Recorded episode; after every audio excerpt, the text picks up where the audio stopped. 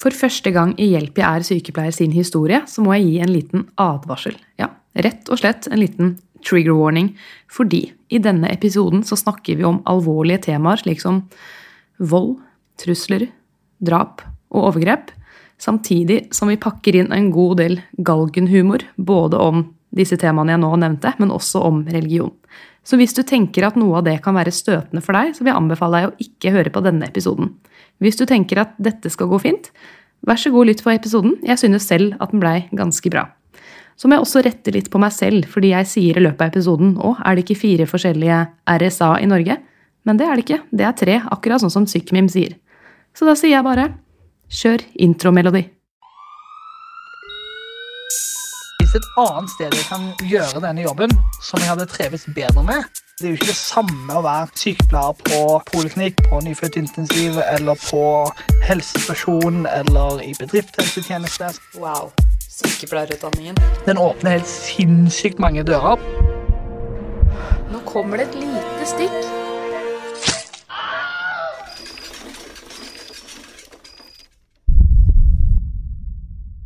Velkommen til episode 23 av Hjelp jeg er sykepleier. I de tre siste episodene så har det vært mye om mor og barn og nyfødtmedisin, så nå er det på tide med en episode om noe helt annet.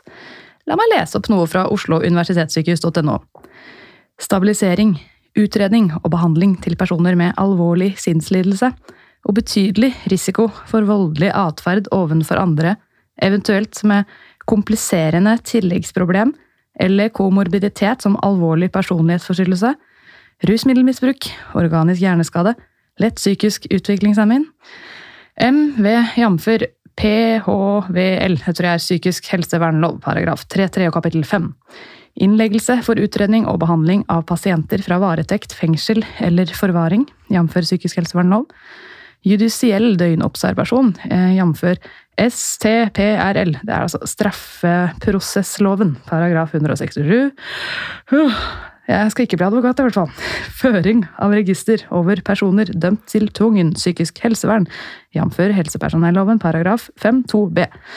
Det jeg akkurat leste opp nå, var et kort sammendrag av pasientgruppen og hva slags hjelp og behandling man kan få på RSA, altså Regional sikkerhetsavdeling. Men hvordan kan ting ha gått så langt at man blir så syk at man må på en sikkerhetsavdeling eller rettspsykiatrisk avdeling som pasient? Er det hjelp, eller er det straff disse pasientene får? Er de der frivillig, eller på tvang? Og hvordan er det å jobbe på et slikt sted som sykepleier? Og kan man bruke humor og lage såkalte memes om det å jobbe i psykiatrien? Dette skal vi snakke om i dag, for jeg er så heldig å ha med meg en gjest som jobber som sykepleier på RSA Dikemark, som sprer mye humor og latter på internett. En liten hake her er at denne gjesten er anonym, så da sier jeg bare velkommen så mye til skaperen av Instagram-profilen PsychMemes. Tusen takk.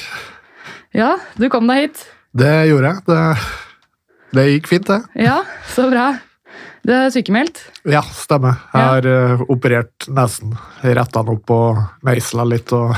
Ja, det, det, ser ikke godt ut. Det, Nei, det, si. det, ser verre ut enn det, da. Det er ikke så vondt. Nei. Men uh, man ser jo litt rar ut. Så man får sitte alene på toget og bussen, så det er jo positivt. Skulle tro det var nå halloween var, si. Ja. Men du klarer deg godt. da. Det er jeg som har tatt smertestillende hittil i studio i dag, så vi er vondt i hodet. jo. Men da satser vi på at det hjelper med Paracet og Red Bull. Ja. Ok, Skal vi kjøre gjennom litt eh, faste spørsmål, da. Hvorfor blei du sykepleier? Nei, Det er vel egentlig ganske uh, tilfeldig. skulle jeg si. Uh, det er jo to foreldre som er sykepleiere, begge to, så det, det skulle jeg jo absolutt ikke bli. Nei, uh, det... det er det mange som sier, og så opp så ble man det likevel. Ja. Så kom jeg vel inn på vernepleien, og så skal jeg i militæret, så da søkte jeg om utsettelse et år. ja, og så visste jeg ikke helt hvordan den gangen gikk, så da søkte jeg på sykepleie i Drammen på førsteplass, og da mista jeg jo den plassen. Så da, da ble det bare sykepleie. Man måtte ja. bare ta noe, så da ble det sånn. Rett og slett. Eh, når var det du ble ferdig utdannet? 2019. Eh, 2019, ja. Hva fikk deg til å velge psykisk helsevern som arbeidsplass?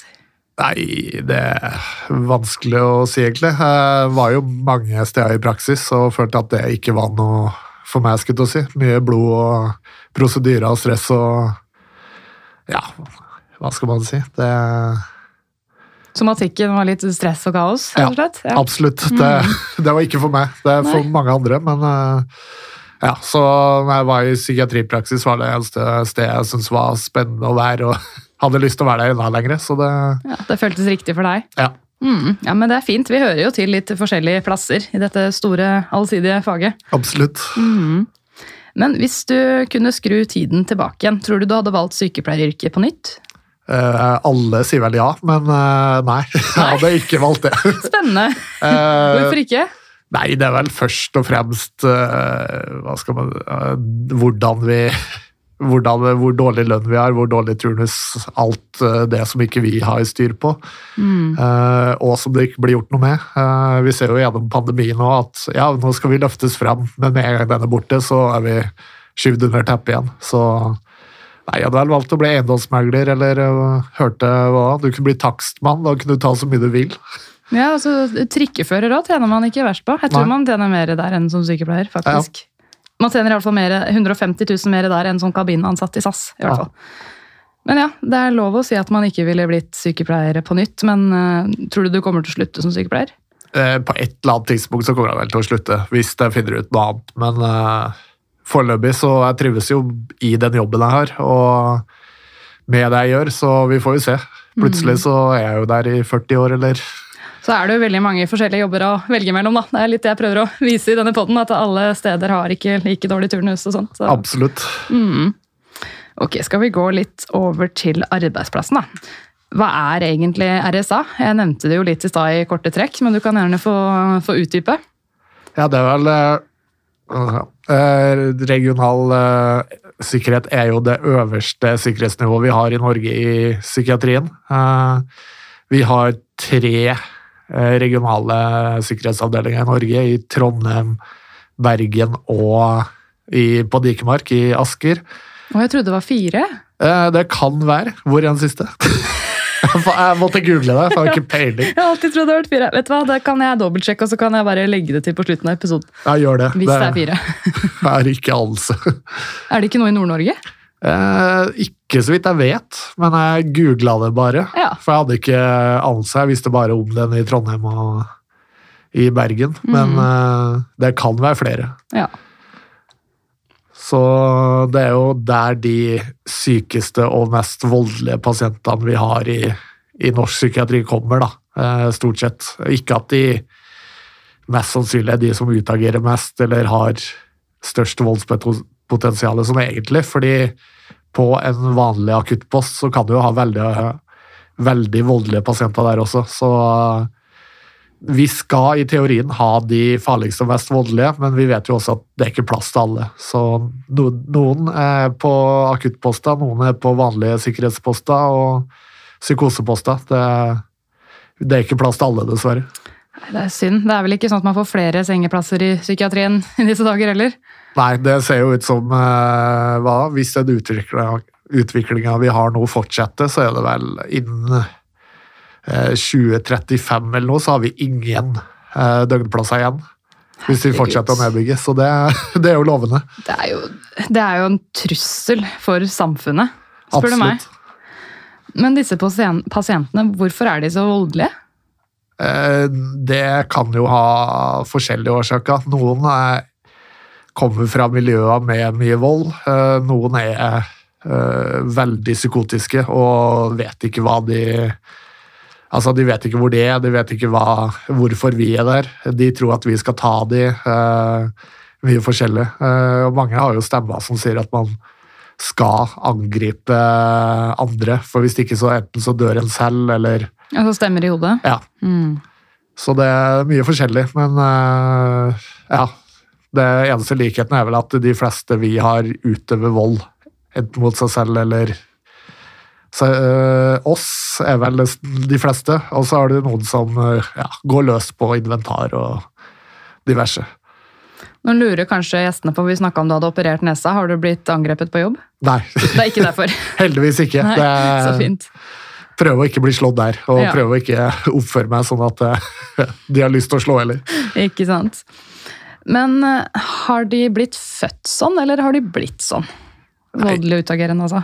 Eh, Det er veldig vanskelig å si. Ja. Det er ofte en blanding av både arv og miljø eh, når det kommer til psykoselidelse. Og man vet ikke sikkert. Man kan jo ikke ta noen genprøve for, eksempel, for å finne Nei. ut hvordan de blir syke. Så eh, det er nok, de fleste har nok hatt en ganske Nei, det blir feil å si, kanskje. Heavy oppvekst, Ja, kanskje? det, man ser jo det ofte, at Mm. uh, mange har en vanskelig oppvekst. Da, og, eller kommer fra et miljø hvor det er vanlig å bruke vold. For jeg tror vel at det er ingen som har et godt og hva skal jeg si, normalt liv, og så ender opp hos dere. Det er vel en ganske sånn lang og kronglete vei før man kommer til dere, da. Ja, absolutt. Eh, mange har jo vært inn og ut av psykiatrien i mange år. Eh, får gjerne ikke den hjelpa de trenger, eller at eh, ja, det hjelpeapparatet ute i kommunen er såpass dårlig at de ikke får tilstrekkelig hjelp. Og så er det også vanskelig å legge inn eh, pasienter på tvang. Det er vanskeligere enn det var før. Uh, Ja, det kommer vi litt tilbake til Ja. senere, angående ja, endringer i lovverket fra 2017. ja. Det kan diskuteres lenge. Men litt tilbake til pasientgruppa. Eh, hvor gamle er de? Er de kvinner eller menn? Det er veldig varierende. Det er flest menn. Det er ikke noe å legge skjul på. Det ser man jo på de voldshandlingene som skjer av eh, eh, psykiatripasienter ute i samfunnet, at det er flest menn. Det er også kvinner. Men uh, ja, de som har størst voldspotensial, er jo stort sett menn, fordi de er større og sterkere. Og ja, uttrykker gjerne det de sliter med, med vold. Mm. jeg tror nok det er også mer vold fra kvinner i de mange hjem, men at det kanskje blir litt hysja ned og kanskje ikke kommer fram. I hvert fall sånn vold mot menn da, fra kvinner. Det har jeg hørt er ganske sånn tabubelagt. Ja, det vil jeg tro. Men ja, det er jo som du sier, da, alt man leser om om de store, kjente sakene, så er det jo liksom gjennomgående menn som gjør sånne ja, grufulle handlinger. Ja. Men eh, er alle over 18 som er hos dere? Eh, det tror jeg. Ja. Eh, tror ikke vi har noen under 18 eh, eller har hatt det. Det vet jeg ikke. Jeg har ikke jobba der så lenge. Så De er vel i barne- og ungdomspsykiatrien, de da. Ja. Under 18. jeg har vel sett én som var 17 én gang, men det var ikke på RSA. Men Nei. eh, stort sett så er de i barne- og ungdomspsykiatrien, vil jeg tro. Men hva slags diagnoser er det de har, de pasientene? De fleste har nok en eh, psykoselidelse, eh, schizofreni. Eh, Mm. Det er jo De fleste man får inn på RSA, er jo dømt til behandling. Eh, og så har man også noen som man ikke vet ennå, som er der, som er observanda, da, eh, som skal vurderes om de er strafferettslig tilgjengelige, eller om de skal legge, eh, ja, dømmes til behandling. Da. Observangere, er det Nå har jeg bare hørt på en annen podkast at da seponerer man alt av medisiner og sånn, bare for å se hvordan de egentlig er. Stemmer det? Det vet jeg ikke, jeg har ikke jobba med det. Men Nei. eh, ifølge det A-magasin-greia, så tar de fra de alt. Ja, magasin, ja. Det kommer vi også tilbake til etterpå. Men uh, de som er der, er alle der på tvang, eller er det noen som frivillig kommer til dere? Jeg tror ingen er frivillig. Nei. Er de dømt til å være der? Sånn juridisk, på en måte? Ja, eh, det varierer jo. Eh, Noen er dømt. Man ser jo de eh, som har ja, vært store avisoppslag om. Eh, De er jo dømt til behandling, eh, men så har man også de som er så syke at eh, resten av psykiatrien ikke klarer å håndtere de, og da har jo vi ansvaret at vi må ta de. Ja. Hva er det dere har av sikkerhetstiltak som man ikke ser på andre psykiatrisengeposter? Eh, For det første så har vi jo ekstremt god bemanning. Det, er, God bemanning i helsevesenet? Hæ? det er litt kjedelig nå, for det, det er jo det jeg liker å gjøre narr av, at det er dårlig bemanning i Ja, helsevesenet. men ikke hos vi- dere. ikke hos oss. Der er det uh, Vi har vel stort sett hatt fem pasienter, og da har vi vel åtte-ni på jobb. Ja, Så det, det er nok av folk til å ta vare på de. for der er det flere helsepersonell som har ansvar for én pasient sammen, ikke sant? Ja, det varierer. Noen har én, noen har flere. Det, det kommer an på hvor dårlig det er, eller hvilket behov de har. da. Mm.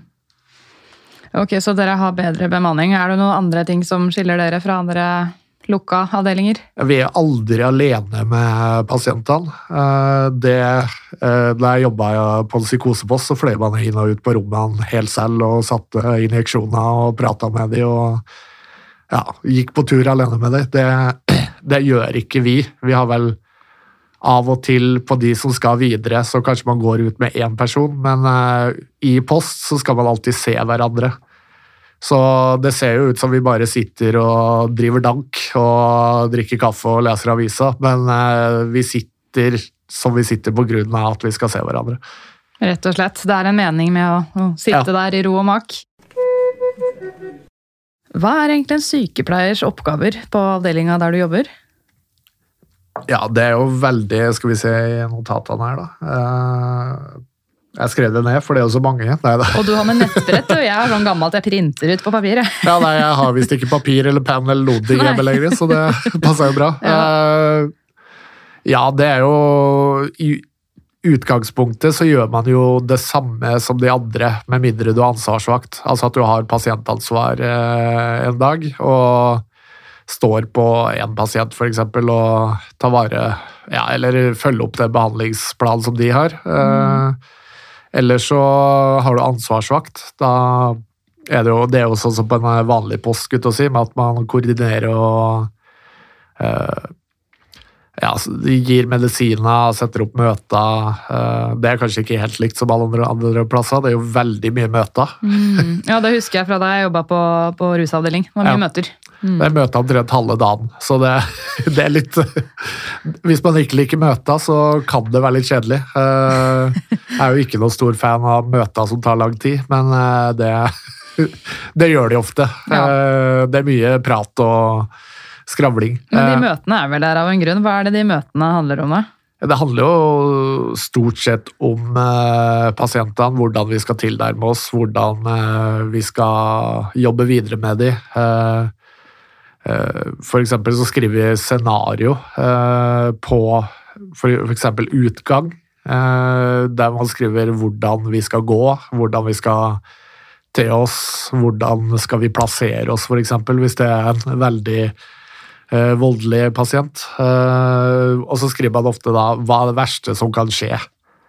og ja, er det for risikabel, så må man jo si at ok, dette går ikke nå, vi må vente til senere. Uh, og så har vi jo møta om ERM. Eh, det er noe vi har på alle Hva står det for? Uh, Early Recognition Method. Mm -hmm. Så det er det er det vi dokumenterer etter hver dag. Da, da har man forskjellige punkter fra stabil, moderat og alvorlig på hvor man vurderer ut ifra om er det stor sannsynlig for at denne personen vil utgjøre vold i nærmeste tid. Eh, er det på grønt, så er det for så vidt bra. Eh, gul, da er man litt i faresonen for at her kan det skje et eller annet. Og rødt, da er det like før det smeller, skulle si, så da må man inn og intervenere. Virker som det er mye sånn eh, beredskapsplanlegging, worst case scenario. Hva gjør vi dersom det og det skjer? Ja, det, man, hvis man starter her som nyansatt, så virker det veldig uoverkommelig og slitsomt. Men ja. uh, i praksis så er det mye ja, mer oversiktlig og overkommelig enn det, vi, det man ser for seg. Når jeg kom, starta der, så trodde jeg aldri her kan jeg ikke jobbe, for det her er altfor seriøst og mye man skal passe på. Men uh, det er ikke så farlig å jobbe hos oss som det folk tror. Ja, det virker jo som dere har ganske greie planer for ting. Da. At dere er godt forberedt eh, hvis ting skulle skje. At dere har, dere har et system. da. Ja. Hvor lenge har du jobba der nå? Eh, nå er det vel akkurat et år. så ja. det er ikke Overlevde veldig lenge. første året, i hvert fall. ja, De fleste pleier det. Det er på år to du dør. så det er... Nei da, det, det, er vel sånn at enten så jobber du der i veldig kort tid, eller så liker du deg veldig godt å jobbe i flere år. Så det, så det har litt å si hva slags personlighet du har, kanskje? Absolutt. Mm. Men jeg tror flere enn mange tenker at dette passer ikke for meg. Men uh, hvis man hadde prøvd, så tror jeg kanskje at uh, du har innsett at det, det er bedre enn det det ser ut som. Du blir ikke banka på jobb daglig. Det, Nei, det Det er ganske hyggelig. det hvis man leser A-magasinet, men Ja, da, da flyr pasientene rundt på kniv og skal drepe deg til enhver tid. Det, det er ikke sånn. Men så må jeg jo si at også filmbransjen da, elsker jo å lage overdramatiske filmer om psykiatrien. liksom The Hospital for the Criminally Insane, Hannibal Lecturer, ikke sant? Ja. Det er mye sånn Folk liker å se på det, det er liksom spennende. Ja, det, Men det, eh, film og virkelighet er to forskjellige ting. ja, hadde det vært sånn på film, så hadde det jo vært veldig spennende og ikke minst veldig farlig å jobbe der. Men eh, det er ikke sånn. Folk sitter ikke i et hjørne og rister og ja, skriver med blod på veggen og Eller prøver å spise deg. Prøver å spise det. det Jeg må nesten bare spørre, Har du noen gang hatt en pasient som er kannibal? Nei, Nei. ikke som jeg vet. Nei, ikke sant? Ja, Det kommer for så vidt en film om kannibalisme på kino etter hvert, som heter Bones and All. tror jeg den heter. Yes.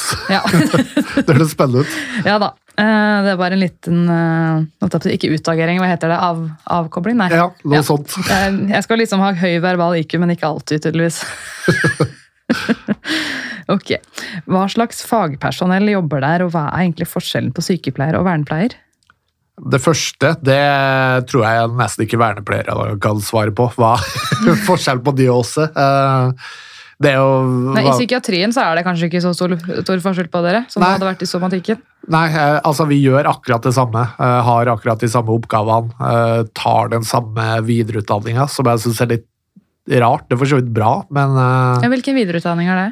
Eh, det er vel i eh, rus og psykiatri er vel Ja. eh, i hvert fall en av de videreutdanningene, og den Mm. er jo for alle helsepersonell. Ja, Det er sikkert den hun Karoline Rudlang tok fra den episoden min om avgiftningsenheten. Ja, og Mm. da syns jeg at det mister litt av verdien i form av at vi er forskjellige yrkes... Hva skal man si?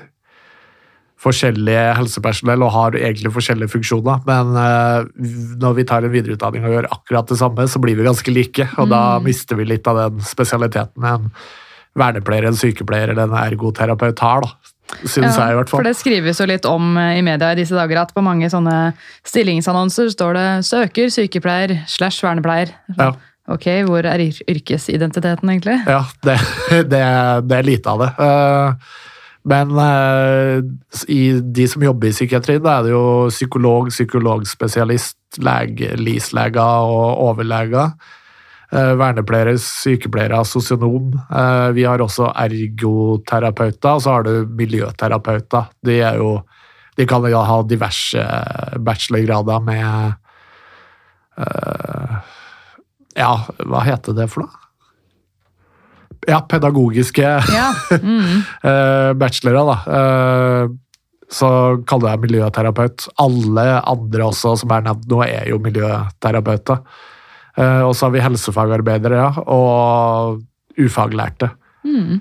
Psykiatrien har jo egentlig vært drevet av ufaglærte veldig lenge. Det er veldig mange Det er så rart, fordi det er jo helsevesenet dette òg. Så er det så stor fokus på at eh, man skal ha god kompetanse og høy utdanning og støtte seg til forskning. Og, men akkurat på psykisk helse så er det sånn Ok, har du lyst på jobb, bare kom. Ja, det er mange hattemakere og snekkere og Ja.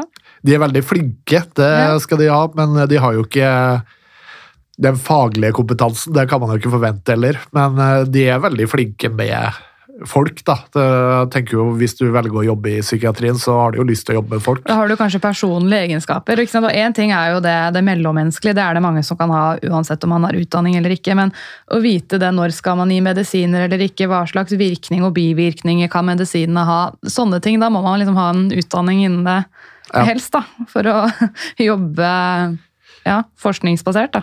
Ja, absolutt. Det, det, når jeg jobba før jeg ble utdanna sykepleier, så følte jeg jo at jeg ikke kunne noen ting. Jeg vet ikke, kan ikke svare på noen ting. Kan ikke, du kan jo ikke loven engang. Nei, jeg er Eh, lovverk òg, ikke minst. ja. Jobba du i psykiatrien før du var utdanna? Eh, ikke før jeg begynte på utdanninga, men eh, etter hvert i studiet. i studiet? Mm. Så begynte jeg på den posten jeg starta å jobbe som sykepleier. Ok, skal vi litt videre her. Det er ingen hemmelighet at pasientene på RSA kan være farlige, som vi nå har nevnt. Men hvordan har det gått så langt at noen har blitt drapspersoner? Her kan vi gjerne gå inn på tvangsparagrafen Ja. fra 2017, kanskje. Hva var det som, eh, som skjedde i lovverket da?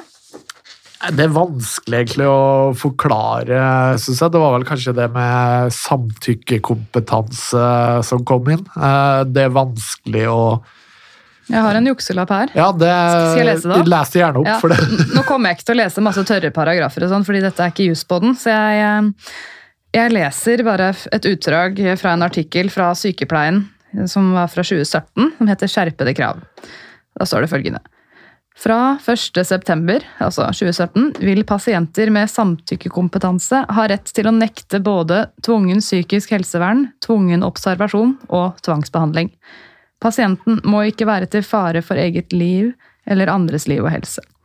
Det er forventet at endringene vil få stor betydning for den gruppen pasienter som har hatt effekt av behandling, f.eks. ved tvangsmedisinering med antipsykotika, og gjennom den fått tilbake samtykkekompetansen.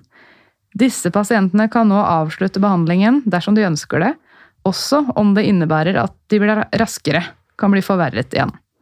I tillegg vil det bli skjerpede krav til begrunnelse av vedtak om tvungen observasjon, tvunget vern og tvungen behandling. Pasientene får også rett til å uttale seg om det fattes vedtak om ulike tvangsinngrep som skjerming, urinprøver, ra- ransaking osv. I tillegg skal slike tvangsinngrep evalueres sammen med pasienten etterpå, og pasientens synspunkt skal nedtegnes i journalen. Ja. Ja, Det er mye, og det, det er veldig vanskelig juss. Mm. Det er jo noe av det kanskje vanskeligste med å jobbe i psykiatrien, er den jussen. Eh, Ja. Vi er jo helsepersonell, ikke jurister, som eh, det er nesten som man burde ha hatt eh, også jurist inn i denne faggruppa på hver eh, psykiatriavdeling. Man Ja. alltid har en jurist der, hvis man er i tvil. Eh, Vi har jo kontrollkommisjonen som er inne og liksom kontrollerer det vi gjør. Der er det jo noen jurister, men det er jo også Det er ikke alt de har svar på heller. Eh, Vi hadde jo Når det kommer til isolasjon, da, så er det jo ingen som har lyst til å ta tak i det. eh, Og svare, fordi det er veldig vanskelig å tolke. Hva er lov, hva er ikke lov, hvor lenge Eh, Det er ingen som vil siteres på det, fordi det er det er veldig omstridt, det er veldig lite brukt. Eh, Vi har brukt det en del og tolka det som vi eh, mener at det skal være. Eh, Det fungerer jo greit. Vi bruker det jo ikke lenge eller Altså unødvendig. Det er jo kun for å avverge skade at vi lukker en dør, f.eks. Men uh, hva akkurat isolasjon er, det, det er det ingen som har lyst til å svare på. Så det, det er litt vanskelig. Mm. Men uh, disse endringene kom jo i 2017. Jeg ble jo ferdig sykepleier i 2017, og du i 2019. Så ingen av oss har jo på en måte sett denne store endringen over tid, for vi har jo ikke vært sykepleiere så lenge. Nei. Men vi vet jo på en måte fra historien at sånn tidlig 1900-tallet så var det jo ingen rettigheter omtrent som pasient i psykiatrien. Da var det mye mer belteligging, og man ble låst inne over en lav sko, og man hadde på en måte ingenting man skulle ha sagt. Så det er jo bra at det gjennom flere tiår har blitt mer fokus på autonomi og likestilling mellom pasienter i psykiatrien og somatikken, at man har noe man skulle sagt, pasienten skal respekteres. Og det er på en måte bra. Det er jo kjempebra. Men har dette hatt noen negative konsekvenser også? Hvis det på en måte blir eh, Hva skal jeg si? Ja? At pasientene bare kan nesten velge alt selv, er det bare bra? Eh, det er jo det er bedre enn det var. eh, fra de jeg har hørt som har jobba lenge i psykiatrien siden 90-tallet og 80-tallet. ja, Noen har vel jobba her siden steinalderen òg, men Omtrent. altså, jeg har jo hørt historia Nå hørte jeg hun Randi Rosenquist snakka om en post i, i Trondheim hvor du gikk inn eh, hos de farligste pasientene med teppe som du bare skulle kaste på dem og sette medisiner. Så det jeg er glad vi ikke har det sånn nå. Eh, Det, det håper jeg i hvert fall ikke skjer noen steder. Men eh, ja, da ble du, du ble utsatt for mye mer tvang, og det var ikke noe kontroll over hva Det ble ikke ført vedtak og sånt på alt som ble gjort. Mange pasienter har jo klagd i ettertid og ment at de har vært utsatt for brudd på menneskerettigheter. ikke sant? Det har- jo vært mange grusomme historier man tenker at herregud, er det her verdig behandling? Ja. Men så har man jo, man ser jo ting som har skjedd bare den siste tiden. Det har vært uh, pil og bue-skytinga i Kongsberg, ikke sant? og det har vært uh, mannen i Thereses gate, ikke sant? som til slutt ble drept av politiet. Ja. Og det har vært, ja, nå i sommer, pride-drapene. Ja. Disse folka burde jo kanskje fått hjelp litt før. Absolutt. Eh, det lovverket som vi har nå, det er nok bra for de fleste. Mm.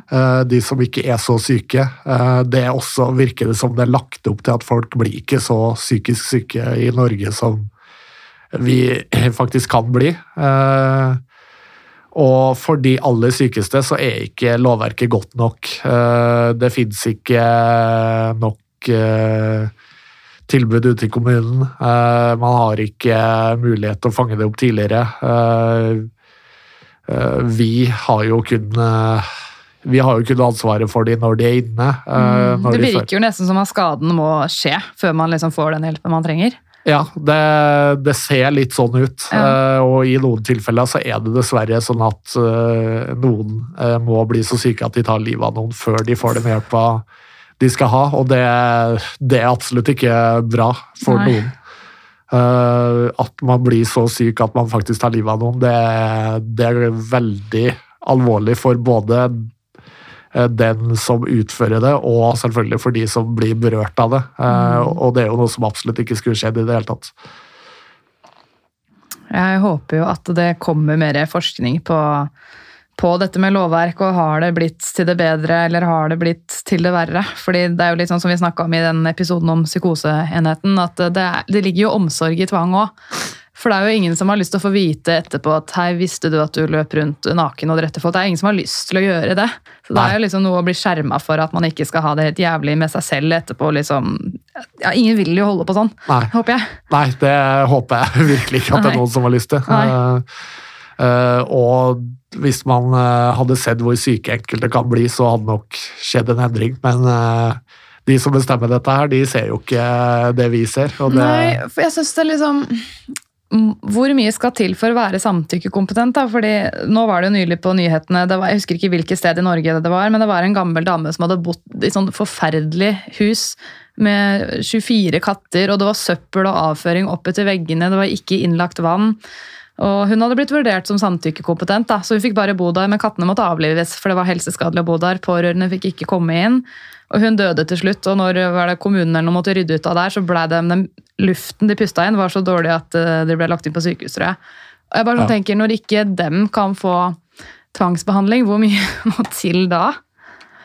Nei, det er et godt spørsmål. Det, Nei, Helseministeren fikk jo spørsmål da, hva hun tenker om det. Nei, jeg skulle sette opp et ekspertutvalg da, som skulle utrede sånne saker. Jeg bare føler det er alltid det svaret man får fra helseministeren. Skal sette opp et ekspertutvalg og utrede. jeg lurer på hvem de er, egentlig. Det, det er ikke noe Jeg tror ikke de er så eksperter som det, de skal ha det til. For det skjer jo ikke noe endring med det. Men det er jo tragisk at, eh, at samtykkekompetansen skal stå så høyt hos de som absolutt ikke burde få lov å bestemme selv. Jeg bare tenker, Vil folk virkelig det? Bo med avføring opp etter veggene hvis man er frisk? Jeg, tror ikke det, altså. Nei. Nei.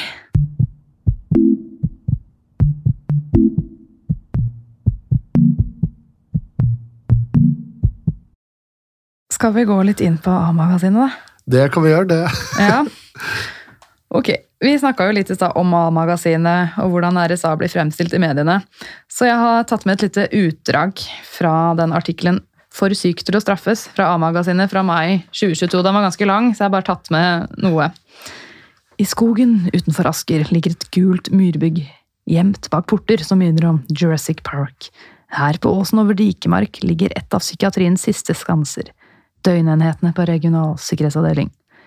Her på huset er drapstrusler og vold like hverdagslig som lapskaus og yatzy. Få steder i helsevesenet er sjansen til å få juling på jobb større enn her. Fra januar til mars i år var det 55 registrerte tilfeller av vold, trusler og utagerende atferd mot de ansatte her på RSA. 18 av dem endte med personskader. Tall fra 2018 og frem til i dag viser at det i gjennomsnittet er over 200 såkalte uønskede tilfeller i året. Slag, spark, trusler, kloring og biting. Noen av dem har fått alvorlige fysiske skader, andre har fått konstatert posttraumatisk stresslidelse. Det er særlig den latente volden som gjør at folk er blitt slitne, sier Vig. Likevel er det ingen som får risikotillegg for å jobbe her. Som plaster på såret har de litt kortere arbeidshverdag og en ekstra ferieuke. Ja, Ja, det, Jurassic Park og vold og yatzy over en lav sko. Kjenner du deg igjen i det her? Eh, når jeg leste den, så tenkte jeg at dette er jo veldig overdramatisert. Eh, Ja. Her er det brukt eh, Det er veldig bra skrevet i form av at det blir mer spennende. Det, Ja, Det trekker jo lesertallet opp høyt, vil jeg tro. Absolutt. Hadde man eh, tatt en tur og sett hvordan det var til oss en dag, så hadde du syntes det var kjedelig. Men Skuffa. Oi. Ja, nei, så det Ja, altså, de gjerdene ser jo ut som de på Jurassic Park. Det kan man jo ikke legge skjul på. Eh, Men det er jo ikke der for å holde dinosaurer inne. Det er, Nei, det er jo mennesker som er der. Ja. Så det er jo både for å holde folk ute og for å holde folk inne. Så ja, de har jo en funksjon, og de, de ser veldig drøye ut, men eh, Hender det at pasientene prøver å rømme? jeg har ikke vært borti det. det ikke, siden de nye gjerdene kom opp, så tror jeg det ikke har vært noe rømningsforsøk der. Er det strøm i gjerdet nå, eller? Eh, Nei, heldigvis ikke. det, det holder vi oss for gode til. Ja. Men er drapstrusler og vold like hverdagslig som lapskaus og yatzy? Eh, vi har lapskaus kanskje én gang i uka, eh, Ja. og spiller aldri yatzy, så sånn sett ja. Men eh, det er ikke fordi at det er Du kommer ikke inn på jobb og blir trua på livet hver dag. Eh, det Ja, for her også- høres det ut som det er daglige voldshendelser. Ja, ja, det, det, der får de jo til å høre ut som du blir slått, i, slått ned idet du kommer inn døra omtrent. Så det Men det er ikke helt sånn. absolutt ikke. Vi, vi har jo tiltak for å forhindre at sånn skal skje, og det fungerer stort sett. Mm. Men det er jo noen tall som kommer opp som er ganske svart på hvitt, med antall registrerte tilfeller av vold mm, som Ja. faktisk den får fra VIG, da, som jeg tror jeg jobber som psykolog der og er leder. Ja. Så noe er det jo. Ja. Men alt er jo Det går, går jo alt. eh, Trusler og ja, uønska helsa kan jo være så mangt. Mm. vi som jobb, har jobba i psykiatrien, vi tar det ofte ikke så alvorlig. Får dere litt elefanthud av å jobbe der? Ja, mange gjør nok det. Ja. Eh, Når de sier 'jeg vet hvor du bor, jeg skal finne deg'. Det har jeg jo fått mange steder. Det, ja ja, jeg vet hvor jeg bor, jeg òg. For det la du ut på Instagram, akkurat den memen der. Da Ja. måtte jeg bare le litt. Ja, det, vi får nok eh, mye tykkere hud av å jobbe der, for det er ikke vanlig. Eh, hadde mannen i gata kommet inn, så hadde det nok vært helt forferdelig. Mm. Eh, men eh, ja det, Stort sett så blir vold og sånn håndtert før det klarer å eskalere til at noen havner på legevakta. Det skjer. Ja, for men, dere blir vel trent i det at dere skal på en måte gripe inn før det går så langt at det blir vold, da. Ja. Men det står jo faktisk at noen får posttraumatisk stresslidelse av å jobbe der. Jobber dere noe forebyggende? Har dere noe debrifing og sånt for å liksom ja, passe på deres psykiske helse da, dere som jobber der? Ja, vi skal jo ha defusing og debrifing egentlig etter hver sånn hendelse. Mm -hmm. det er ikke alltid det skjer, dessverre. Nei. Eh, det kan jo være for at mange er sånn Ja, ja, dette har skjedd så mange ganger at det, Det går ikke inn noe, på liksom. det. Nei. og på noen gjør det ikke det. Uh, noen blir jo Man skal ikke ta ifra de som faktisk det går inn på at dette er ikke greit, for det er jo, det er jo ikke det. Mm. men vi prøver jo å ta en debrief og prate om det i etterkant og sørge for at alle er ivaretatt best mulig. Mm. Og hvis noen blir slått om de skal på legevakta for eksempel, og sjekke Mest sannsynlig er det ikke noe, men å bli slått kan jo føre til at eh, du over tid kan få varige ben og bli, bli skada, da. Både fysisk og psykisk. Ja, jeg vet faktisk ikke om jeg hadde turt å jobbe. Det samme med politi, for de også blir jo utsatt for det. Jeg vil helst ha ansiktet mitt i behold. Ja, det, de fleste som jobber der, har ganske vanlig ansikt. Det er vel bare jeg som ser eh, rar ut nå, men det er jo Nei, men I den artikkelen så står det faktisk at han ene hadde fått så skeiv tann. Så bare, ja, men jeg kan jo ikke gå med regulering som 30-åring heller. Så jeg lar den bare være sånn. Ja, ja det, det stemmer. Det, det, han har ganske skjev tann, men eh, Den berømte tanna på Ja. avdelinga. Gulltanna? Nei, det er vel en vanlig tann. Nei, det, det skjer jo at folk blir slått og ja, kan eh, få knekt nese eller en skjev tann eller tanna ramler ut, men det kan jo skje alle steder i psykiatrien også. Så er man godt forberedt eh, hvis man skal inn til en pasient og sette injeksjon og de ikke vil, f.eks., Eh, at man har planlagt godt. Hva gjør vi? Eh, hvordan skal vi tilnærme oss For det er her? mulig å unngå at sånne ting skjer hvis man har god trening på ting. Ja, og det er jo mye De kommer jo stort sett ikke til oss først, så de har jo en del historikk. Mm. Eh, eh, grunnen til at man ofte ikke kan håndtere på andre poster, er for at de er færre folk. folk jobb. Ja. Men eh, hva slags type tvang gjør dere? Altså, Én ting er jo det er tvang i seg selv bare å være der, men har dere sånn belter og sånt? Vi har uh, belta. Eh, det er jo Ja. De i samfunnet ellers vil se på det som det verste du kan eh, gjøre mot noen, og legge det i rema. Eh, Mm. Vi gjør det ikke ofte. Jeg tror nok det er mange andre poster som bruker belta mer. eh, og det er Jeg tror vel aldri jeg har vært borti en beltelegging som har vært unødvendig. Men vi har det, og vi bruker det hvis uh, pasientene utøver såpass mye motstand. Da. Hvis det går til angrep på oss, vi holder en eh, stund og vi ser at dette funker ikke. Uh, kanskje kan jo det at vi ligger seks-sju mann oppå og svetter og skal prøve å holde noen i bakken, det er ikke noe hyggelig det heller. Nei, da, nå tenkte jeg litt sånn George Floyd, at da får man vel nesten ikke puste. Absolutt. Mm. og i tillegg så er det jo noen eh, som har blitt utsatt for overgrep, f.eks. Av pasientene. Ja, Mm. eh, tidligere. Og det at man da eh, har, ligger oppå med masse menn, det er jo ikke noe bedre deler. Så Nei. da kan jo belta faktisk være mye Være bedre. bedre. Mm. For da slipper vi i hvert fall å ha fysisk kontakt med dem, og de kan få tid til å hente seg inn igjen eller få medisin hvis det ja, trengs, da. Eller de føler at de trenger det, eller vi vurderer at det trengs. Er det mye antipsykotiske medisiner som Ja. blir gitt hos dere? Det, det er vel det det går i stort sett i psykiatrien. Eh, Det er jo ja, mange forskjellige. Eh, De fungerer jo også forskjellig, så Mm. det er jo litt eh, sånn gjetting når du begynner med Det er fælt å si, selvfølgelig, men man er jo ikke helt 100% sikker på hvilke medisiner som vil fungere for den pasienten, Nei, for man prøver seg fram. Ja, man må Mm. dessverre det. Så, og de føler ofte at ah, disse medisinene funker ikke, da funker ingen. Men eh, vi har heldigvis en del å gå på, så Ja. Men når dere da prøver forskjellige medisiner, gjør dere også da utredning av pasienter for å liksom sette riktig diagnose? Skjer det hos dere?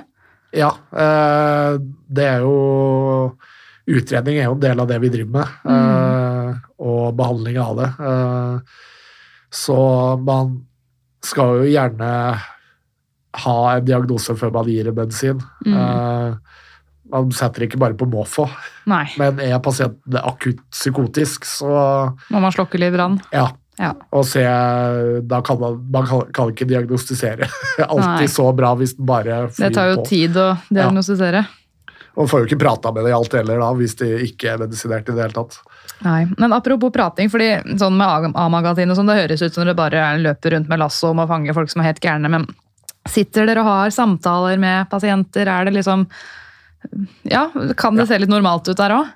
Ja, jeg tror hvis man hadde tatt seg en tur dit, så ser det ganske overraskende normalt ut. Ja. Stort sett så sitter man bare og prater, eh, spiller kort, ser på TV, gjør egentlig dagligdagse Spiller spill med pasientene? Ja. Ja.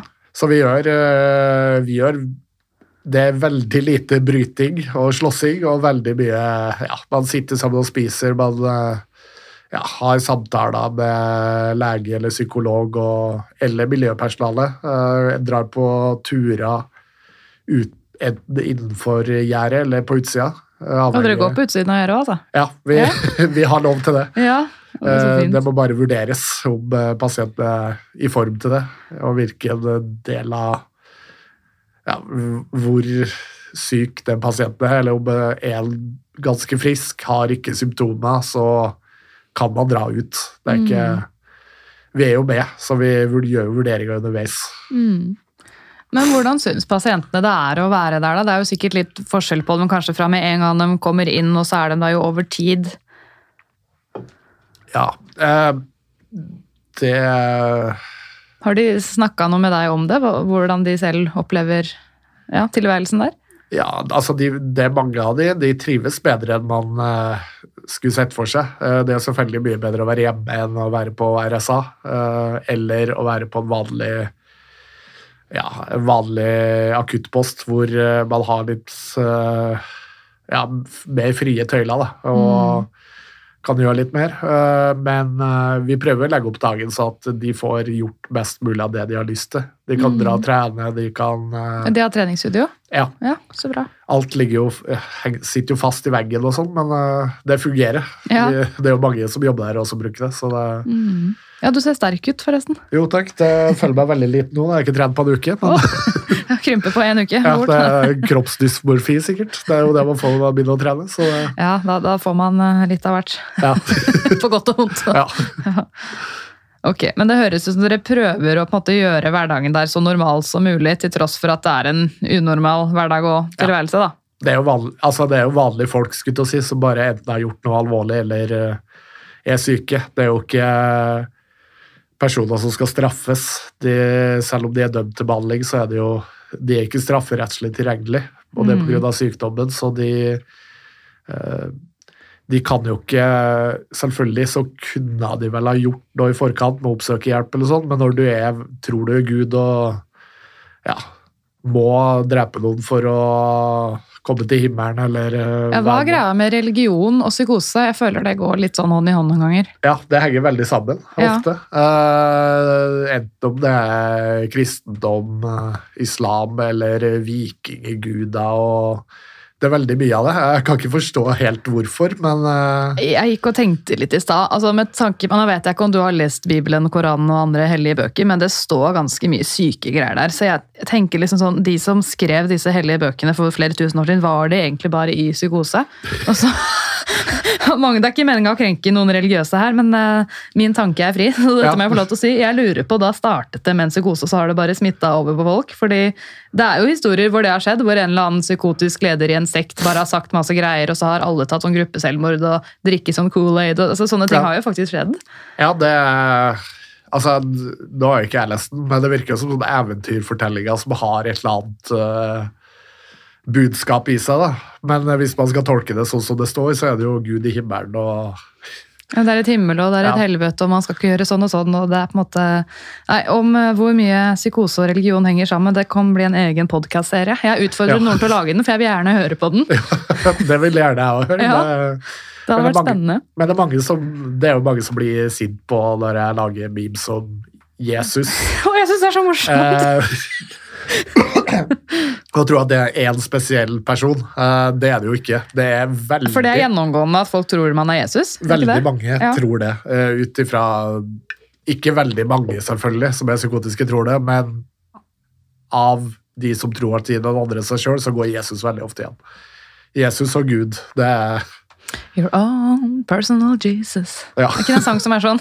jeg vet ikke. Jeg tror det er det. Jeg kan, jeg kan finne den seinere. Ja. Ok, tiden flyr, så vi må snart uh, begynne med Q&A. Men før det så skal vi ha litt om Instagrammen din. Men bare helt sånn på tampen her, det burde jeg kanskje s- spurt om i starten, men RSA det er delt inn i noen forskjellige avdelinger. Vil Ja. du bare si kort om det og fortelle hvilken avdeling du jobber på? Ja, eh, vi har jo Skal vi se her, hvis vi finner notatene her. Uh, skal vi se Ja, vi har uh, tre etasjer, så det er tre avdelinger der. Det er intensivpsykiatrisk i tredje etasje. Uh, det er ofte der pasientene kommer først. De har også et mottak. så de har fire døgnplasser, og så har de to beredskapsplasser. Så hvis noe skjer akutt, eller noe ute i samfunnet skjer, så kan man. Intensiv, da tenker jeg respirator og sånne ting. Men Det er Ja. ikke den type intensiv. Nei, det Nei. er vel psykiatriens svar på det, skulle jeg si. ja. Skjerming kaller man jo ofte for intensiv enhet, for Ja. der får man ja, mer intensiv behandling, men det er jo mer intensiv oppfølging. De ja, det fordi de kanskje er i en akutt psykose der og da? Ja. Ja. Eller at de er veldig psykotiske og har behov for å skjermes for stimuli, eller Mm. fra andre pasienter, eller bare seg selv. Da. At eh, ja, vi skjermer de fra at andre skal se hvor dårlige de er. Så der er det kanskje ikke så mange plasser? Nei. Eh, ofte så har jo I psykiatrien så har det ofte én plass eh, som er for skjerming. Det burde ha selvfølgelig vært eh, mange flere, for det er ofte flere enn én pasient som har behov for å skjermes. Eh, men stort sett så har avdelinga én eller to. Uh, ja. Uh, i, og så har de sikkerhetspsykiatrisk i andre etasje. Uh, det er vel mer Der har de Hvor mange plasser har de der, da? Sånn notat er ikke bare enkelt. Nei, det er ikke det, vet du. Eh, ja, de har vel seks plasser. Sånn sånn jeg tolka det, så det er fordi der er det mer lengre forløp. Der er de litt uh, lengre enn eh, i første etasje, nei, i tredje etasje, hvor de Mm. eh, enten er eh, til observasjon eller eh, ja, skal sendes videre, eller skrives ut derfra. Eh, det varierer jo veldig hvor lenge de er der. Eh, Nå Snakker vi uker eller måneder eller år? Eh, Det er alt fra uka til år. Ja, det er såpass. Ja. Mm. Noen er der i sikkert flere tiår òg. Så det, de tar jo en plass veldig lenge. Ja, det Så- kan man se. De har behov for veldig mye, og det er ikke sikkert at de blir friske heller. Det er jo sånn med noen pasienter, det har man jo alle steder i psykiatrien, at de er veldig psykotiske, og de kommer ikke til å eh, ja, de kommer ikke til å bli mindre psykotiske av antipsykotika. Altså, grusomt. Jeg bare tenkte, Det må jo være en kur der ute et eller annet sted, hvis man bare forsker nok på det. Ja, det, det er jo det man håper på at skal komme, men Ja. uh, det ser ikke sånn ut uh, at det kommer til å hjelpe alle i nærmeste framtid, i hvert fall. Eh, får man en akutt psykose, så kan man trøste seg med at får du antipsykotika, så vil det gå over ganske fort. Har du en hemmefred schizofreni, så har du en litt annen prognose. og Mm. mest sannsynlig så kommer han til å enten høre stemme eller være psykotisk hele livet. Så, og da må man jo enten eh, må man jo lære seg å leve med det, eller så blir man jo dessverre lagt inn over tid. Fordi det er ikke alle steder ute i samfunnet hvor man kan ta vare på de som er så syke. Men kommer de fleste ut fra dere Ja. til slutt? Ja, det er bra. Heldigvis. Ja. Så jeg tror eh, Jeg tror ikke det er mange som kommer til å dø der. Nei, det er ikke siste stopp. Nei. Nei. Ok, så det var intensivpsykiatrien, og Ja. så var det Og så det i første etasje der jeg Ja. så er det rettspsykiatrisk. Mm. Det høres jo veldig fancy ut. Eh, Vi har jo flest Det det står, er vel at der har vi mange pasienter på dom. Eh, Det varierer jo fra hele sykehuset, skulle jeg til å si. Eh, Men vi driver på en måte litt som i andre etasje, med at det er behandling over tid. Hva het den i andre etasje igjen? Eh. Sikkerhetspsykiatri. Det, Ja. det, eh, Så intensiv sikkerhetspsykiatri, rettsmedisinsk? Eh, Rettspsykiatrisk. Rettspsykiatrisk. Ja. nå begynner jeg å få kort på det. Ja, det, det tok lang tid før jeg Jeg måtte jo google det før jeg kom sant? ut, selv om jeg jobba der i et Ja. år. Men eh, ja, vi driver jo Vi har de gjerne over tid, vi også. Uh, driver behandling, uh, utredning, og hvis de skal de har jo forskjellige, Hvis det er uteskrivningsfasen som vi jobber med, hvordan, hvor skal de videre? Skal de skrives ut? Skal de skrives til et lavere sikkerhetsnivå? Uh, Mm. Eh, Det varierer jo. Så man tilrettelegger liksom for veien videre. Men det gjør man jo på alle de andre avdelingene. Mm. Men de som er dømt til behandling, vil da det si at hvis ikke de var syke, så hadde det egentlig blitt fengsel? Ja. Ja. Eh, Hadde de ikke vært psykotiske i gjerningsøyeblikket, så sier man jo at de er strafferettslig tilregnelig. Og Mm.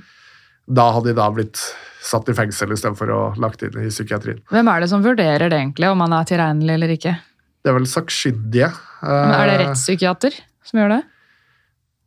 Litt usikker på Det det. vel, sånn og det er psykiatere, i hvert fall. Ja, Den, eh, det er jo eksterne, det er ikke fra uh, sykehuset. Okay. Det, de kommer utenfra å vurdere. Mm. Uh, de vi har inne, blir jo vurdert av oss også. Og så uh, er det jo opp til retten å bestemme da, om det, han er, var psykotisk i gjerningsøyeblikket, eller om ja, han var ja, om han eh, var ved sine fulle fem.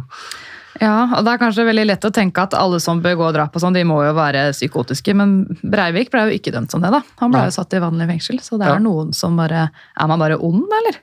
Ja, det er et godt spørsmål. Ja. Han, eh, svaret må vel være at han må jo ha vært ond, men eh, det var vel også en sakkyndig som mente at han var psykotisk. Ja. Eh, og det er vel også flere i etterkant som har ment at han er psykotisk, og mye av det han Uh, ja, sier og måten han er på, kan jo virke at han er i hvert fall veldig, har veldig mye vrangforestillinger og om Mm. han er psykotisk, det skal ikke jeg vurdere som sykepleier, men det er jo veldig mye som uh, ja, Det ikke vi litt- tenker i hvert fall Ja. på. Det jeg syns er litt skummelt da, med sånne, det er at de, de blir jo kjendiser, på en måte. Og så pirker det veldig borti et betent tema som er rad radikaliserte miljøer. ikke sant? Incel, du har sikkert hørt om det der. Det, Ja. det får nesten bli en egen pod, men det er, eh, jeg syns det er litt skummelt hvor mye påvirkningskraft sånne personer kan ha da, for andre unge mennesker som ja, kanskje er litt på utsiden av samfunnet. Absolutt. Det, er- man ser jo det at uh, veldig mange flere blir radikalisert med internett og sånn. Det, Det er den mørke siden av Ja. internett og sosiale medier. ass, fy søren. Ja, det er jo ikke mange, men det er jo noen som eh, drives til disse miljøene, og det er jo Mm. kjempefarlig. Det er det. Nei, nå må vi over på noe litt mer hyggelig. Oss, eller, ja, litt mer humor, da. Så la oss snakke om eh, Instagram-profilen din. Heter den Psychmemes eller Psychmemes? Nei, Jeg sier syk-memes, det var er så vidt uh, samme hva man sier. Men, Jeg sier eh, psych, ja. Psychiatric ja, det høres mye kulere ut. Ikke sant? Men hvordan blei den profilen til? Det, det var jo egentlig bare tilfeldig, skulle jeg til å si. Jeg satt Nå jobber jeg ikke der lenger, så jeg kan si at jeg satt på telefonen, selv om det ikke var lov der. Ja, på din Men- forrige arbeidsplass? Ja, Ja, så Det var også psykiatrien, ikke sant? Stemmer. Ja. Så trykker jeg på hva, profilen min, så står det at du kunne lage en ny. Og så viste jeg det til en kollega og sa oi, du kan lage flere, så kan du like dine egne bilder. Ja, altså. ja, ja. på, på, ja, hvorfor skal du gjøre det? Hvorfor skal du lage en egen? Nei, jeg skal lage en som heter Syk-memes. Og så skal jeg legge ut memes på, på tull. Da. Ja, ok, greit. Og så fant jeg vel en app hvor du lager memes, og så bare begynte jeg å Kan du bare kort forklare hva memes er? For det er noen eldre også som hører på denne podden som kanskje ikke vet hva memes er. Ja, akkurat definisjonen på det sånn har jeg ikke, men det er jo bilder med tekst eh, som skal ja, relatere til folk, da. Eh, Situasjoner man kan Ja. kjenne seg igjen i. Ja. på et litt sånn humoristisk preg ofte. Et bilde med en situasjon du kan kjenne deg igjen i, og en liten tekst. Ja. det, det er memes. Ok, Ja. da skal du få gå tilbake.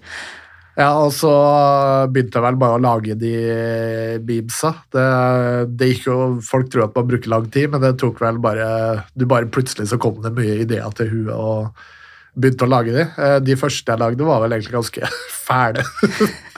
Det var før man liksom fikk et filter og folk eh, eh, Ja, man tenkte at folk ser på det her, for det var jo bare Hvordan var de første memesene? Nei, det var jo mye Det var jo akkurat på en måte samme at du lager ikke memes om én spesiell hendelse. Du tar bare ting som har skjedd flere ganger. så at ikke Med pasienter og sånn? Ja, både pasienter og Ansatte? ansatte. Eh, Ja. Kan være like gærne, si. ja, det er jo absolutt. Ofte er jo de som er, jobber der, enda gærne. Ja. Så det Ja, så det Nå ble det helt tomt der. Men eh, ja. Du ble inspirert av arbeidsplassen din, Ja. da, kanskje? Ja. Og så begynte vel en sykepleierbeams å følge med, og Frøydstad. ja, den er jo legendarisk. Ja. og da plutselig så delte de, og så satt jeg jo der og trente, tror jeg. Så skjønte jeg ikke hvorfor mobilen det gikk ikke an å bytte, bytte sang, men for det kom inn så mange varsler. Pling, pling, pling, pling. Følgere, da. Plutselig så var det over 1000 følgere uten at, det- eh, uten at jeg hadde tenkt over det. Så det, da tenkte jeg ja, ja, dette er jo noe folk syns er morsomt, så da kan jeg bare fortsette med det. Ja, for folk syns det er gøy, ikke sant? Det er, litt, det er jo litt mørk humor. Ja. Er det lov å se, som du har? Det er jo det. Det er jo uh, Det er jo humor om ting som mange mener at man ikke skal spøke om. Eh, psykisk helse, eksempel. At det er for betent til ja. å kødde om, på en måte? Ja, og Ja. disse er så syke, så du kan ikke tulle med de og sånn. Eh, Det er jo ikke de selv ofte som sier det, men folk utenfra som mener at hei, de her skal man ikke kødde med. Ikke krenk noen? Ja, ikke krenk disse her. Eh, Mm. Dette er ikke gøy. Eh, Jeg har en søster som har en eh, venn som har eh, et søskenbarn som er Som har psykotisk. psykisk lidelse? Ja, ikke Så jeg snakker for den personen. Eh, Så det Ja, det, det er vanskelig på en måte å vite hvor grensa går mellom hva som er Men vet du om, om det er noen pasienter selv som har kontakta deg? Liksom, har sagt at hei, jeg føler meg støtt? Det er ingen. Ingen faktisk. pasienter, det er bare alle andre som Ja, eh, det er rart egentlig at det er ingen. Eh, Jo, det er vel kanskje noen som jeg ikke husker, men de fleste det er mange som har vært innlagt, eller som er innlagt, som syns at det er morsomt. Ikke sant? Og De de syns faktisk det er gøy, de òg. Ja. Men det er jo også den der psykiatrimims, det er vel en pasient, tror jeg, som Ja. har den, som lager masse humor om seg selv, da. Så Ja, den, det er den er litt morsomt. Jeg ser det dere følger hverandre. Ja, og det er jo veldig Jeg syns jo det er en veldig fin måte å liksom håndtere Uh, hva skal man si, det man sliter med sjøl, med humor. Mm. Det ufarliggjør det på en måte. Uh, Det er litt medisin, på en måte. Ja. Humor. det, det er bedre å le enn å gråte, pleier jeg ofte å si. Det, det er jo det. Mm, men jeg føler jo at ja, kanskje noe av det du legger ut er litt drøyt, eller kan oppfattes som drøyt fra noen, men så er det jo litt sånn De memesene du lager, det er jo litt sånn ting man prater om på vaktrommet, da. Litt sånn vaktromhumor, bare Ja. at det er på Instagram i stedet for. Ja. Og så må man jo ikke følge deg hvis man ikke liker det du legger ut. Nei, det, Nei, det er jo frivillig. Ja, det er jo det. Det er Ja. ingen som trenger å se på det hvis ikke vi ser på det. det er, jeg, skal, jeg driver ikke å presse det i trynet på folk. Så Nei. Det kan jo at det dukker opp at de ikke liker det, men eh, det er ikke sånn at jeg prøver å nå ut til de som skal krenkes av det. Nei. Eneste gangen jeg har prøvd å krenke folk med vilje, er vel de vaksinemotstanderne. Men det, det, var, det var egne personlige grunner at jeg syns at det, det, det var morsomt. Er du og Senneset som skal Ja. ta dem? Ja, det var liksom, altså, ja, du velger selv, men eh, den Facebook-artikkelen du fant, er den mer gjeldende det WHO har Er sagt? det ordentlig forskning, liksom? Ja. Facebook-forum. ja, nei, De vaksinemotstanderne kan vi snakke om lenge om. Ja. Men jeg har jo fulgt deg en stund, og først virka det som det var mye sånn humor og memes om pasienter og ansatte og psykiatrien, men så har det liksom blitt nesten litt mer sånn politisk, at du har gått litt ut mot sykehusledelsen, forbudsledelsen, politikere. Mye sånn ja ja, vi fikk ikke gå opp i lønn, men vi får nå tvisten vår. Ja. Det er mye twist og kaffe. ja, det er jo det, er det vi lever for. Det er jo det lønnslegget vi får. Det er lønn og Det er kaffe og twist, omtrent. Eh, Jeg tenker jo Sparker man nedover, så sparker man oppover også. Da er det på en måte greit, hvis alle blir berørt. Mm. uh, ja, og så blir man jo ofte litt Jeg blir jo ofte litt mer engasjert i ja, politiske meninger om psykiatrien og helsevesenet enn mange andre, og klarer ikke å holde kjeft. Så, Nei, men jeg syns det er bra. Ja. Nå har du på en måte så mange følgere at du kan, du kan bli vår eh, hemmelige leder, vår QAnon. ja,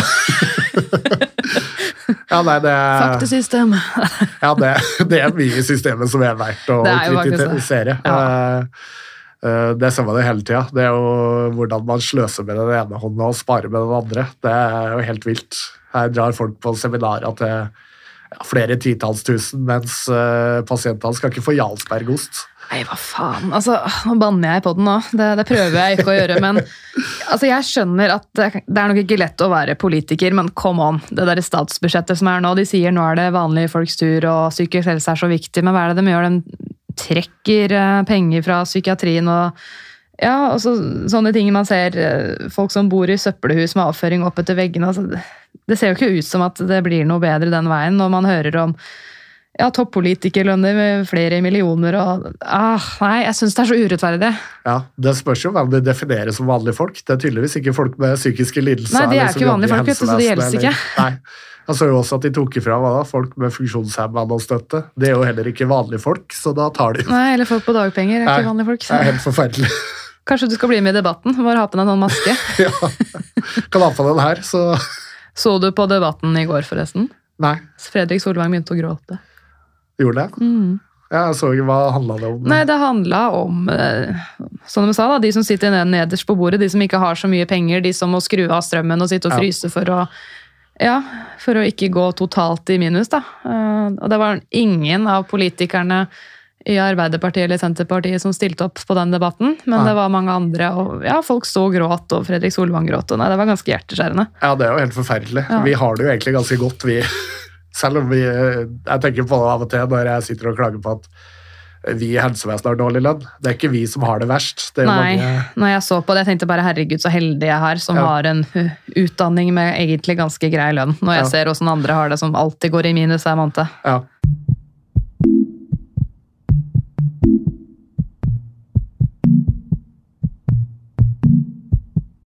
Nei, nå ble vi litt utenfor RSA her. Jeg Ja, føler jeg kunne snakka med deg så lenge, men skal vi begynne med Q&A? ja, vi kan gjøre det. Ja. Blir pasientene hos dere friske til slutt? Det svarte du jo litt på i stad. Ja, eh, det varierer jo. Eh, Det er jo sånn som eh, ellers med den pasientgruppa som er i psykiatrien. De fleste, vil jeg si, blir friske og kommer seg ut. Helt friske? Det, er vanskelig å si. Hva er helt frisk? Om det er at du lever et liv uten medisiner uten å trenge å tenke på det, det, det er ikke sikkert. Uh, mange kan slutte på medisiner etter et par år. Mm. Uh, du må jo ta andre forholdsregler for å ivareta din egen helse da også. Uh, og så har du noen som dessverre kommer til å være syke resten av livet. Og så må man bare prøve å tilrettelegge for at de får et best mulig liv. Mm.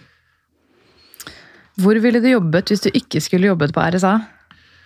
Nei, det er vanskelig å si. Eh, det tenker jeg på ganske ofte. Hvor vil jeg jobbe? Eh, Eiendomsmeglerselskap? Ja, det har jo noen i familien som jobber som det, og nå er det vel ganske trange tider, men det, Ja, det var det, da. Det er ikke alltid det går så bra Nei, i den bransjen. det går opp og ned. Ja. Oi. ja, ja, ja. Her koser vi oss. Ja.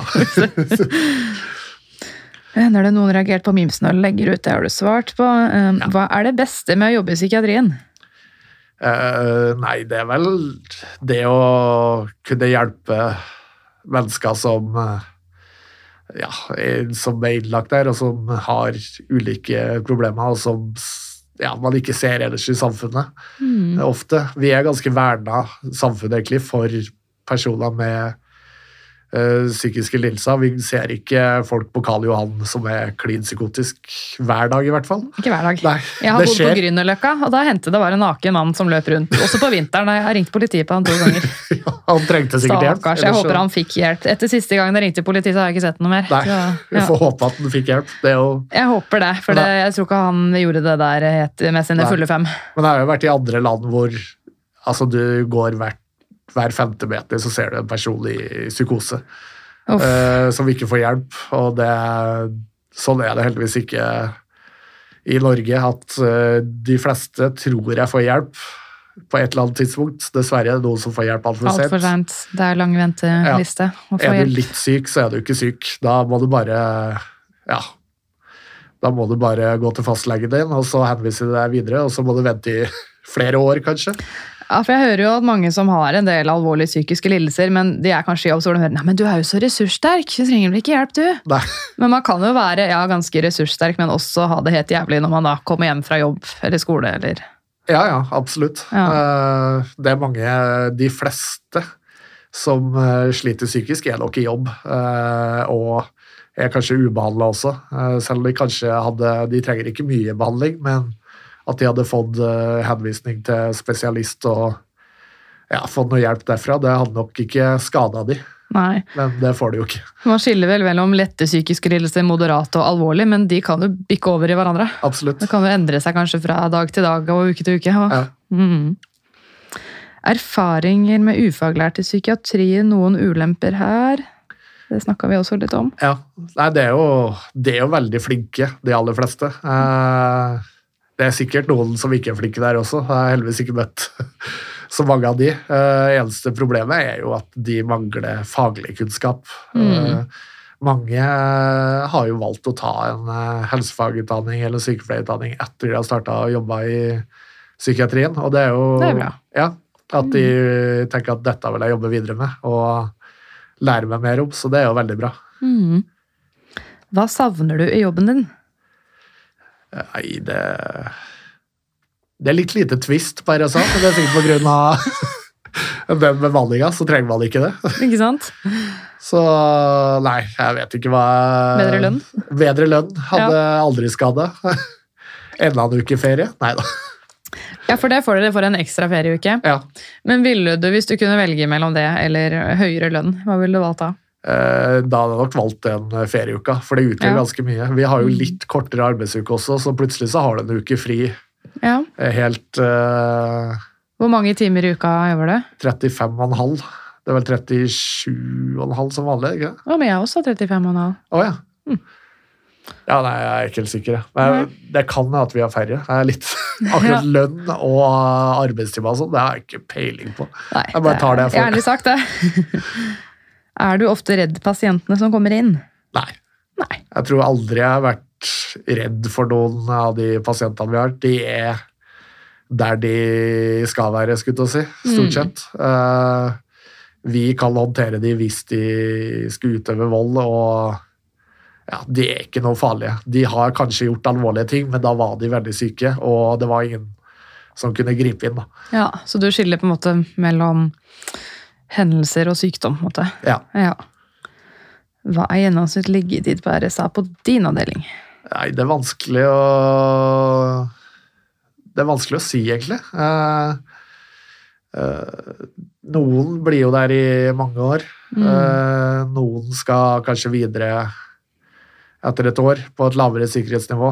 Man må jo bare vurdere ut Det er veldig individuelt hvor lenge pasienter er der.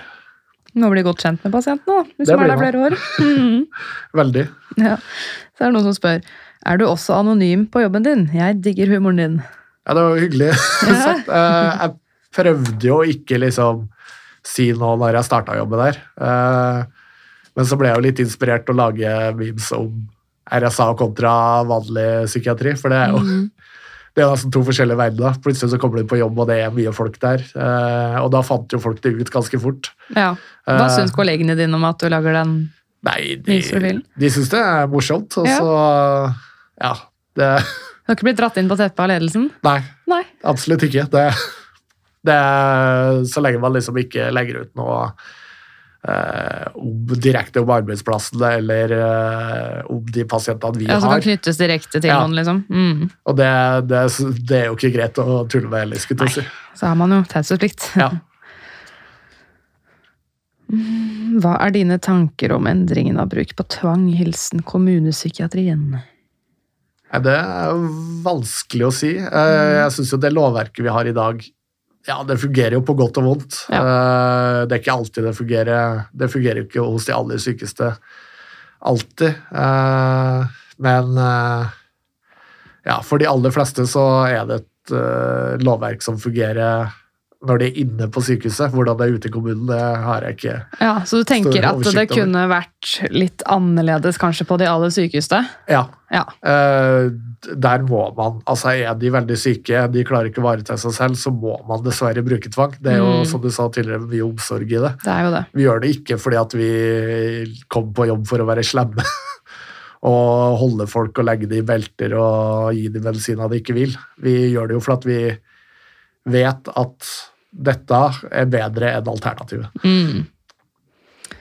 Hva tenker eh, Psychemims om vernepleiere? Best med spåkule og tryllestav? Spørsmålstegn. Ja, hva er greia med at du sier at de har spåkule og tryllestav? Nei, vi hadde vel, eh, Der jeg jobba før, så hadde vi en vernepleier som mente at den kunne se inn i framtida. Seriøst? Eller ut ifra hvilke medisiner som var på medisinrommet. Så da begynte vi å tulle med at han hadde spåkule og sto på medisinrommet. Trollmann fra Os. Ja. Og så er det jo det er veldig vanskelig å vite hva en vernepleier faktisk gjør. Så da eh, Da ble det bare at de driver med heksekunst og smådom. Det, og de, synes jo, de fleste syns jo det er gøy. Ja. Litt sånn Martha Louise Ja. og eh, Durek. Nei, nå skal ikke vi krenke vernepleiere her. Jeg skal lage en ordentlig episode om det en gang. Jeg skal få fram hva som faktisk er forskjellen. Og Ja, det hadde vært interessant. Ja, for det har blitt etterspurt faktisk tidligere fra følgere. Ja, da er det et litt annet spørsmål. Hvordan er det for deg å utføre tvang? Påvirker det deg på noen måte? Ja, det jeg, altså, jeg er veldig sånn, jeg skiller veldig mellom når jeg er på jobb og når jeg har fri. Ja. Når jeg går ut av jobb, så tenker jeg ikke noe spesielt på det. Eller uh, hva som har skjedd, eller hva jeg har gjort. Uh, Mm. Den tvangen vi bruker, den er Det er sikkert brutalt for mange, men det må gjøres for å ivareta både pasientene og oss. Mm. Eh, og hadde vi ikke gjort det, så hadde det jo blitt mye verre. Mm. Og konsekvensene av at man ikke hadde brukt tvang, er verre enn at man bruker tvang. Det er nettopp det. Men du klarer å koble av da, når du skal hjem fra jobb? Ja, det tar ikke med meg jobben hjem. Nei. Jeg får ikke betalt hjemme, så Det er trikset jeg lære meg, for jeg klarer ikke alltid å legge jobben fra meg. Nei, det, igjen. det, det er vel eh, noen som er det er vel sånn som meg som er skrudd sammen litt feil. At det bare ja, ja, nå er jeg hjemme, så da kan jeg gjøre Nei, nei, men alle sånne professorer og ledere sier at eh, ikke tenk på jobb når dere ikke er her, ikke ta med privatlivet på jobb. Okay. Nei, det er, ikke, det er ikke så enkelt å skille alltid. Ikke alltid. Så er det noen som spør hva forskjellen på RSA og fengsel er. Uh, ja, Største forskjellen er jo at vi driver behandling, og fengsel driver uh... Bare straff. Ja, ikke Nei, bare det straff, skal jo men være rehabilitering. rehabiliterende, det og også, Der er man for at man har gjort en eh, ugjerning som man eh, var ved sine fulle fem når man gjorde, mens i psyki- eh, ja, på RSA så er det stort sett fordi at du var psykotisk eller er syk at du er der. Men hva er det egentlig het ved sine fulle fem de i fengsel? For jeg hører at det er mange som sitter der som er psykisk syke og psykisk utviklingshemming. At den der linjen mellom psykiatrien og fengsel blir tynnere og tynnere. da. Ja. Også pga. mangel på plasser. så det... Ja, Jeg var jo på et seminar der jeg hørte om hvordan det var i fengsel, og det er mange som ikke Bør være der. bør være der. Uh, og så er det jo det han, Egentlig burde vel alle ha vært i psykiatrien en stund og fått litt hjelp der, men Mm. det har vi jo ikke plass til. Og tar vi inn for mange som er på dom, så har vi ikke plass til de som bare Trenger flere plasser. Ja, Ja. absolutt. Nei, Jeg må også lage en egen episode om å jobbe som sykepleier i fengsel, tror jeg. Jeg må Ja. bare finne noen som vil stille. Ja. Mm. Hvordan forholder dere dere til pårørende til denne pasientgruppen? Nei, det er vel man Har dere dere noe med det å gjøre? Ja. Ja. Vi har, eh, det er jo veldig varierende hvor mye til stede pårørende er, sånn som ellers i, med pasienter. At noen er veldig på, noen er litt mer at ja, nå er de ivaretatt der. De uh, trenger ikke så mye informasjon. Eller at de har levd med den pasienten hele livet, så det er liksom Ja, han ivaretas, eller hun ivaretas der, så da, da trenger vi ikke tenke så mye på det. Men kan de komme på besøk hvis de vil, og hvis pasienten vil? Ja.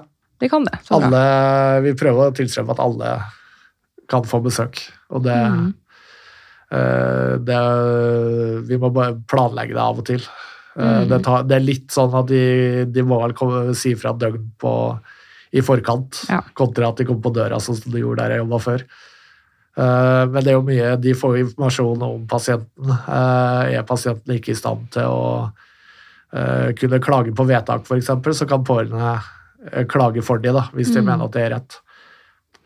Har dere samtaler med pårørende og sånt, og på egne rom? Eh, ja, det er vel mest behandlerne som har kontakt med pårørende om behandling og uh, sånt. Det er ikke så mye miljøpersonale. Der er det mer ja, hvordan det går i dag, og litt Mm. ut ifra hva vi kan si, da. Ja. Vi har jo taushetsplikt, og det er ikke alt pasientene vil at vi skal si. og Nei, så er det vel kanskje litt sånn svingende relasjoner mellom pasientene og, og Ja. pårørende, vil jeg tro. ja. Mm. Ok, så er det noen som sier Dikemark er jo et sykehus. Har dere mulighet til å gi medisinsk behandling? Uh, ja, det har vi. ja. Jeg bare stoppa litt, for jeg tror jeg skrev noe feil. Slash somatisk behandling, dersom pasientene trenger det. Eventuelt, hva skjer hvis en pasient på deres avdeling trenger mer omfattende medisinsk behandling? Eh, ja, vi er jo en eh, vi er jo en del av spesialisthelsetjenesten, så vi For kan det er en del av OS? Ja, ja. Så vi kan jo ivareta Vi skal jo ivareta hele mennesket. Så Mm. uh, det meste kan vi gjøre. Uh, selvfølgelig hvis de må på respirator eller noe sånt, så må de jo inn på et annet sykehus, men uh, Men har dere oksygen og sånt hvis de trenger det? ja. Ja. Vi har det meste. Nå når vi skal sette PVK sist, så fant vi vel ut at de var fra krigen sine dager, men det er ikke så ofte vi gjør De er stort sett ganske somatisk friske, de, Ja. de vi har. Mm. Eh, Det er et spørsmål til, jeg har det ikke med her, men jeg kom på at noen eh, stilte det. Hvordan kan dere ivareta ansatte som er gravide? Eh, du skal vel ikke jobbe i post hvis du er gravid. for, fordi at man kan bli utsatt for vold. Mm. Så man blir vel tatt ut ganske mye raskere, tror jeg, hvis du er gravid på RSA enn eh, andre poster. Når jeg jobba på en annen post, så var jeg en som var synlig gravid. Ja. Og det er jo ikke Det er jo ikke helt heldig. Kan det være triggende for noen pasienter, tror du? Eh, jeg vet ikke. Jeg har ikke vært borti det. Det var vel eh, en pasient som påpekte at du bør kanskje ikke jobbe her når du, når du er gravid, Oi. før ledelsen gjorde noe. Så det, Ja. Men hvis man blir tatt ut av post som gravid, hva er det man kan jobbe med da? Nei, det er vel mye administrativt eh, Ja. arbeid. Turnuser og sånt? Ja, det, det har vi vel egne som gjør, men Mm. eh, det er jo mye som skal dokumenteres. Mm. Eh, det er ingen som har vært gravid mens jeg jobber her, men eh, Nei, er det flest mannlige ansatte, eller er det kvinner òg? det er vel 80% menn. Ja, det er såpass, ja. Så det er ganske skjevfordelt. Det er vel sånn som eh, i resten av helsevesenet så er vel 80% kvinner og 20% menn. Så vi, Ja. vi er Ja. Om ikke det er mindre heller, men eh, ja. Det Skulle du ønske at det var flere kvinner på arbeidsplassen din? Ja, altså, hva skal du si, en lik fordeling er jo aldri dumt. Det bidrar jo til et bedre arbeids... eh, til en bedre arbeidsplass. Eh, Det kan jo Det er jo heldigvis ikke sånn til oss at det er noen machokultur, men har du mange mannfolk, så blir blir ting gjort på én måte. Mens eh, vi har jo forskjellige egenskaper, både menn og kvinner, og uh, ja Man burde hatt flere kvinner på RSA enn det det, Nå det, håper jeg ikke vi har skremt bort potensielle kvinnelige søkere, da. Nei, det Hvis de ønsker å søke, så Er anbefaler jeg å søke? søke. Det er ikke så farlig som eh, hva skal vi si, Aftenposten vil ha det til. Er det noen ledige stillinger hos dere nå? Eh, Jeg tror enten så er det det, eller så kommer det. Ja, Eh, så det det er bare bare å sjekke på webkruter. Ja. Ja, bare å søke, folkens. Eh, Da er vi, da er vi litt på overtid, ja. Det er 20 minutter, faktisk. er det noe mer du vil eh, få inn helt sånn på innspurten her før vi avslutter? Ikke noe jeg kan komme på. Det er Nei. sikkert mye når det blir skrudd av, men ikke akkurat nå. Nei, men Sykmim, Zakmim, tusen takk for at du kom og gjesta på den. Tusen takk for at jeg fikk komme.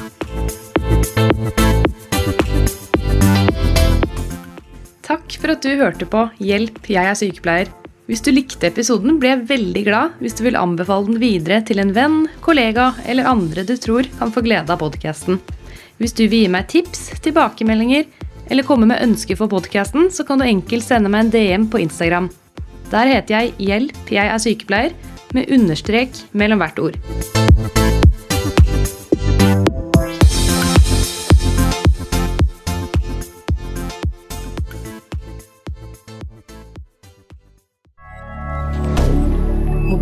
Media. Har du et enkeltpersonforetak eller en liten bedrift? Da er du sikkert lei av å høre meg snakke om hvor enkelt det er med kvitteringer og bilag i fiken, så vi eh, gir oss her, vi. Fordi vi liker enkelt. Fiken superenkelt regnskap.